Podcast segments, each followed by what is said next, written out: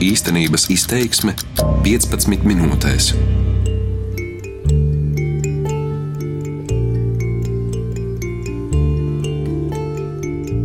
Vienpadsmitais novembris, Latvijas diena, man pašai ir ļoti svarīgs un nozīmīgs laiks, kad cenšos atcerēties mūsu karavīrus, kuri šobrīd ir dienestā un kuri tajā bijuši tuvākā vai tālākā pagātnē. Šajā laikā cenšos padomāt arī par karavīriem vispār, senākos vēstures posmos, par viņu misiju un uzdevumiem, par tiem, kuri ir bijuši spiesti doties karā un aizstāvēt dzimteni, un kāpēc man pašai īpaši šķiet arī cilvēki, kuri šodien izvēlas armiju kā profesiju, ceļu, kura būtība ir aizstāvēt citus, un cena ir pati augstākā - dzīvība. Kā ierasts, Latvijas dienā ir laiks, kad uzklausīt karavīru personiskos stāstus, portretēt viņus, taču šoreiz nolēmu pievērsties savā ziņā ļoti neparastam un varbūt arī filozofiskam tematam, pie kura nonācu nejauši, vēl vasarā. Mani sauc Inna Strāzdiņa, un šajā raidījumā īstenības izteiksme es mēģināšu pastāstīt par maizi kara laukā, par īsto un simbolisko, par fizisko un arī garīgo par to, kas ar to saistās, bez kuras karavīrs īsti nav cīnītājs, un kas var izšķirt kaujas un uzvaras gan vēsturiskās, gan personiskās. Šī, ko dzirdat fonā, ir klusināta dzirnavu dūkoņa. Kādā saulainā pēcpusdienā esmu nonākusi Beļģijas galvaspilsētas Briseles, vienā no piepilsētas rajoniem ar nosaukumu Evere, kur vēl pirms diviem gadsimtiem pletās lauki, bet tagad par to klātbūtni liecina vien rūpīgās rindās saceltu pilsētas divstāvu māju ieskautas vecas veidzirnavas, kas pārdzīvojušas vēstures griežus, industriālo attīstību un pilsētas izplešanos.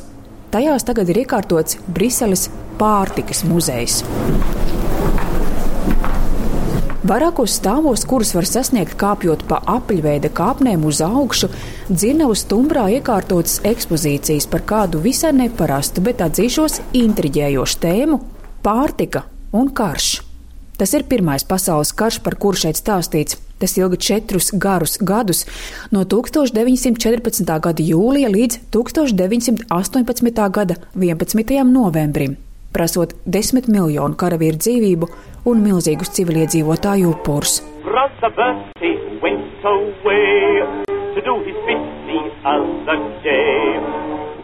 Soli pa solim ekspozīcija ved cauri laikam, kad konflikts starp tautām un valstīm brieda nevien politiķu prātos, bet pamazām nostiprinājās arī sabiedrības ikdienā.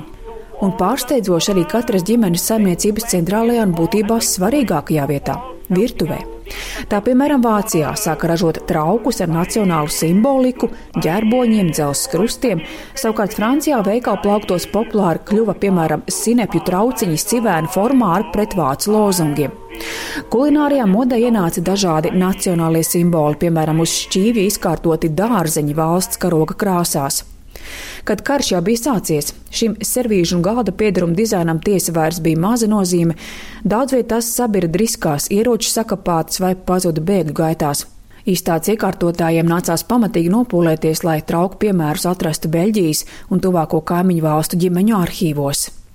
Šādi aptaujājot cilvēkus, atrasts arī unikāls fotoliecības un pieraksti, kas ļauj ielūkoties Pirmā pasaules kara karavīru ikdienā, par ko parasti vēstures mācību grāmatās neraksta. Proti, kā miljoniem cilvēku ierakumos pārdzīvoja ne tikai nāves bailes, slimības, augstumu, bet arī pastāvīgu badu un slāpes, kas nevien karavīrus novājināja, bet sagrāva arī morāli. Šķirstu nelielu grāmatiņu, kurā apkopoti stāsti par muzeja eksponātiem un arī personiskie stāsti no radu radiem savāktās liecības. Tas vēst, ka katrā karojošajā pusē - vācu, franču, krievu, britu un citās armijās situācija bija ļoti dažāda.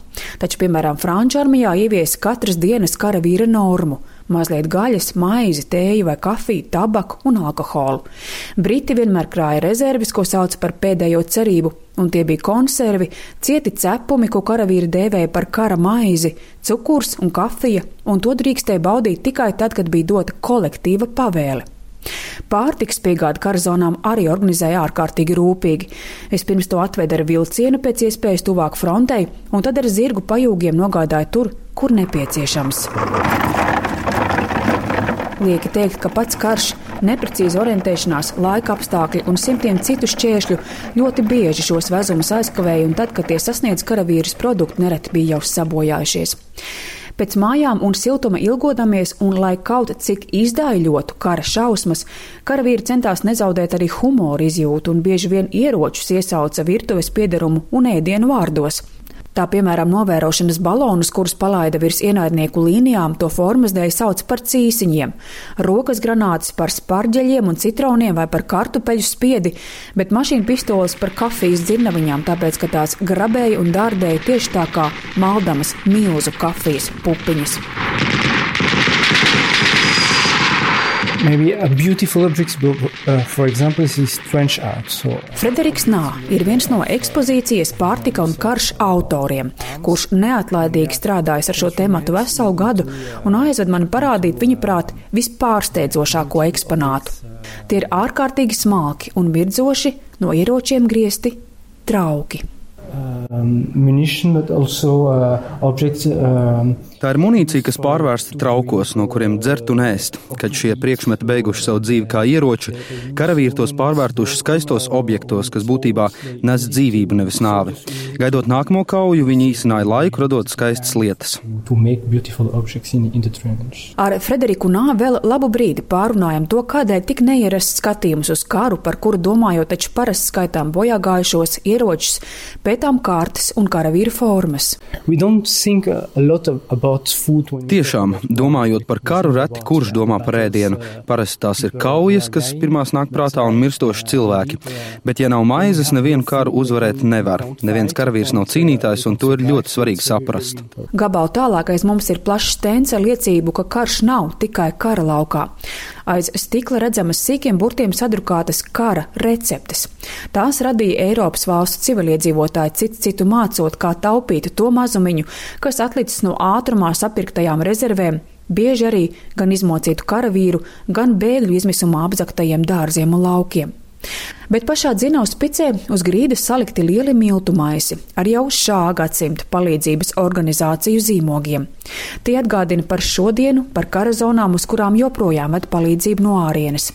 Šoreiz tā ir asiņaino vēsturi piedzīvojusi Eiropa, kas palīdz citiem - Sīrijai, Āfrikai. Un šajā ziņā nekas nav citādāk, saka Frederiks, ar gadsimtu seniem vēstures faktiem pilnajā telpā.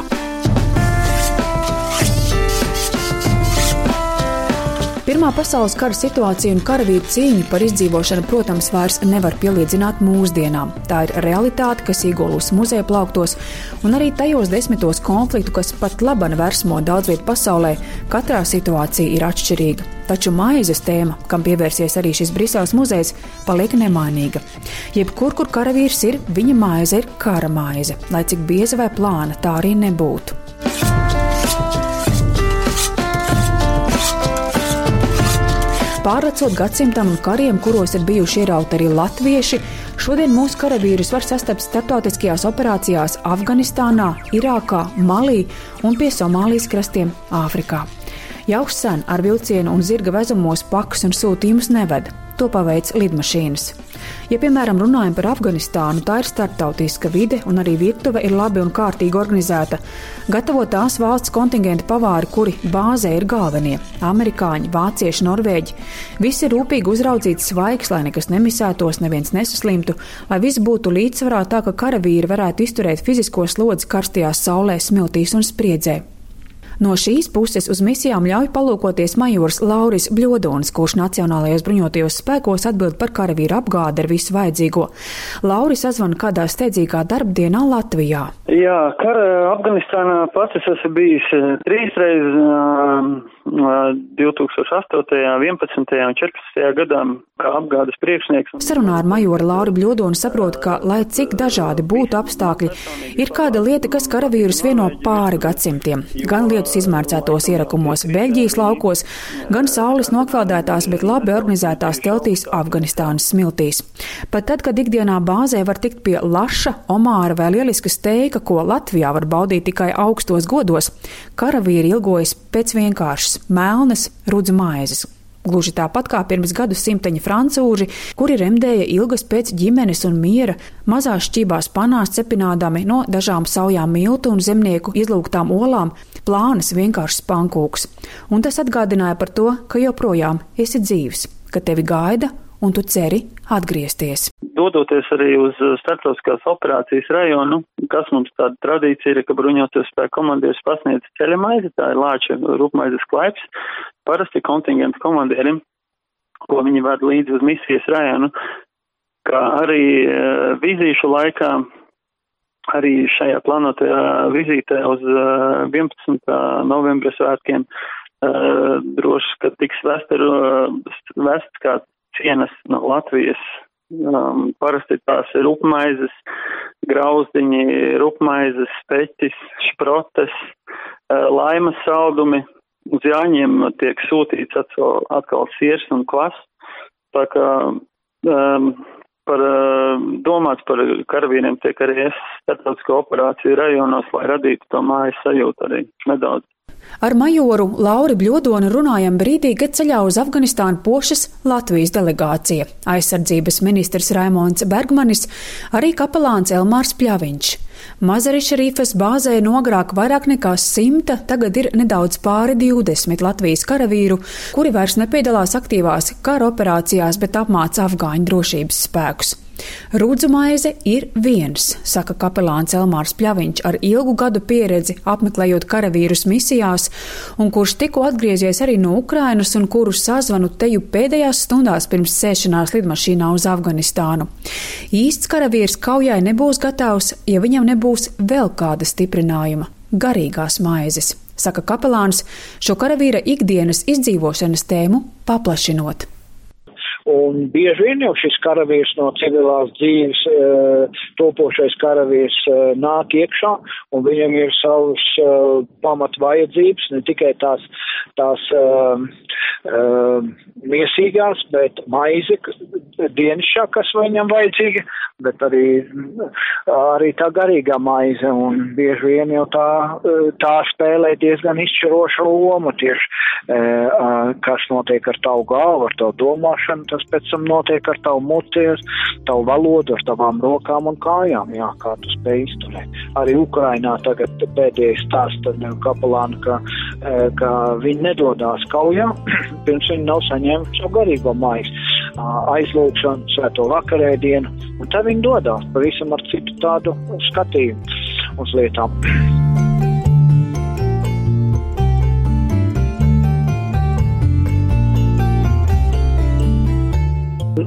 reizēm nav tās fiziskās maizes, tad sāk domāt par, par kaut kādām vajadzībām un problēmām.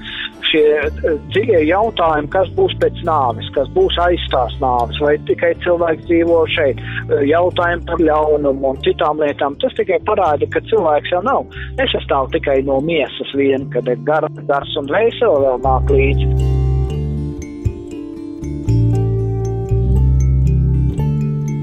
Šodien, 11. novembrī Lāčplēša dienā Latvijas karavīri Afganistānā vedumu no mājām jau ir saņēmuši. Bet šo stāstu gatavojot, es sapratu, ka uz karavīru dzīvi, ikdienu, sūtību, būtību pāri laikiem var raudzīties ļoti dažādi un neizsmeļami. Un man šķita svarīgi runāt par maizi, starp citu arī laikā, kad rietumu pasaulē atzīmē pateicības dienas ražai. Par maizi, kas palīdz izturēt karu vai vienkārši karavīra ikdienu, un saprast, ka arī pati armija un karavīra ikdiena var būt maize, ja to, piemēram, šodien izvēlas kā profesiju. Reti kurš no mums ikdienā, tā kā mūsu karavīri starptautiskajās misijās šodien, ir tik tuvu arī tai otrajai, garīgajai maizei, par kuru runāja kapelāns Elmārs Pļaviņš, kas palīdz saprast dzīvības spēku un arī trauslumu pat visstiprākajā miesā. Tās ir pamatlietas, kas palīdz izcīnīt katru cīņu, gan par dzimteni, gan arī, ja vajadzīgs, pašam ar sevi un to no karavīriem mācos. Mani sauc Inna Strasdiņa, un šodien par mūsu karavīriem un karavīriem vispār domāju kopā ar skaņu operatoru Uldi Grīnbergu. Darbības vārds īstenības izteiksmē izsaka darbību kā realitāti. Tagatnē, pagātnē vai nākotnē, vai arī to noliedz.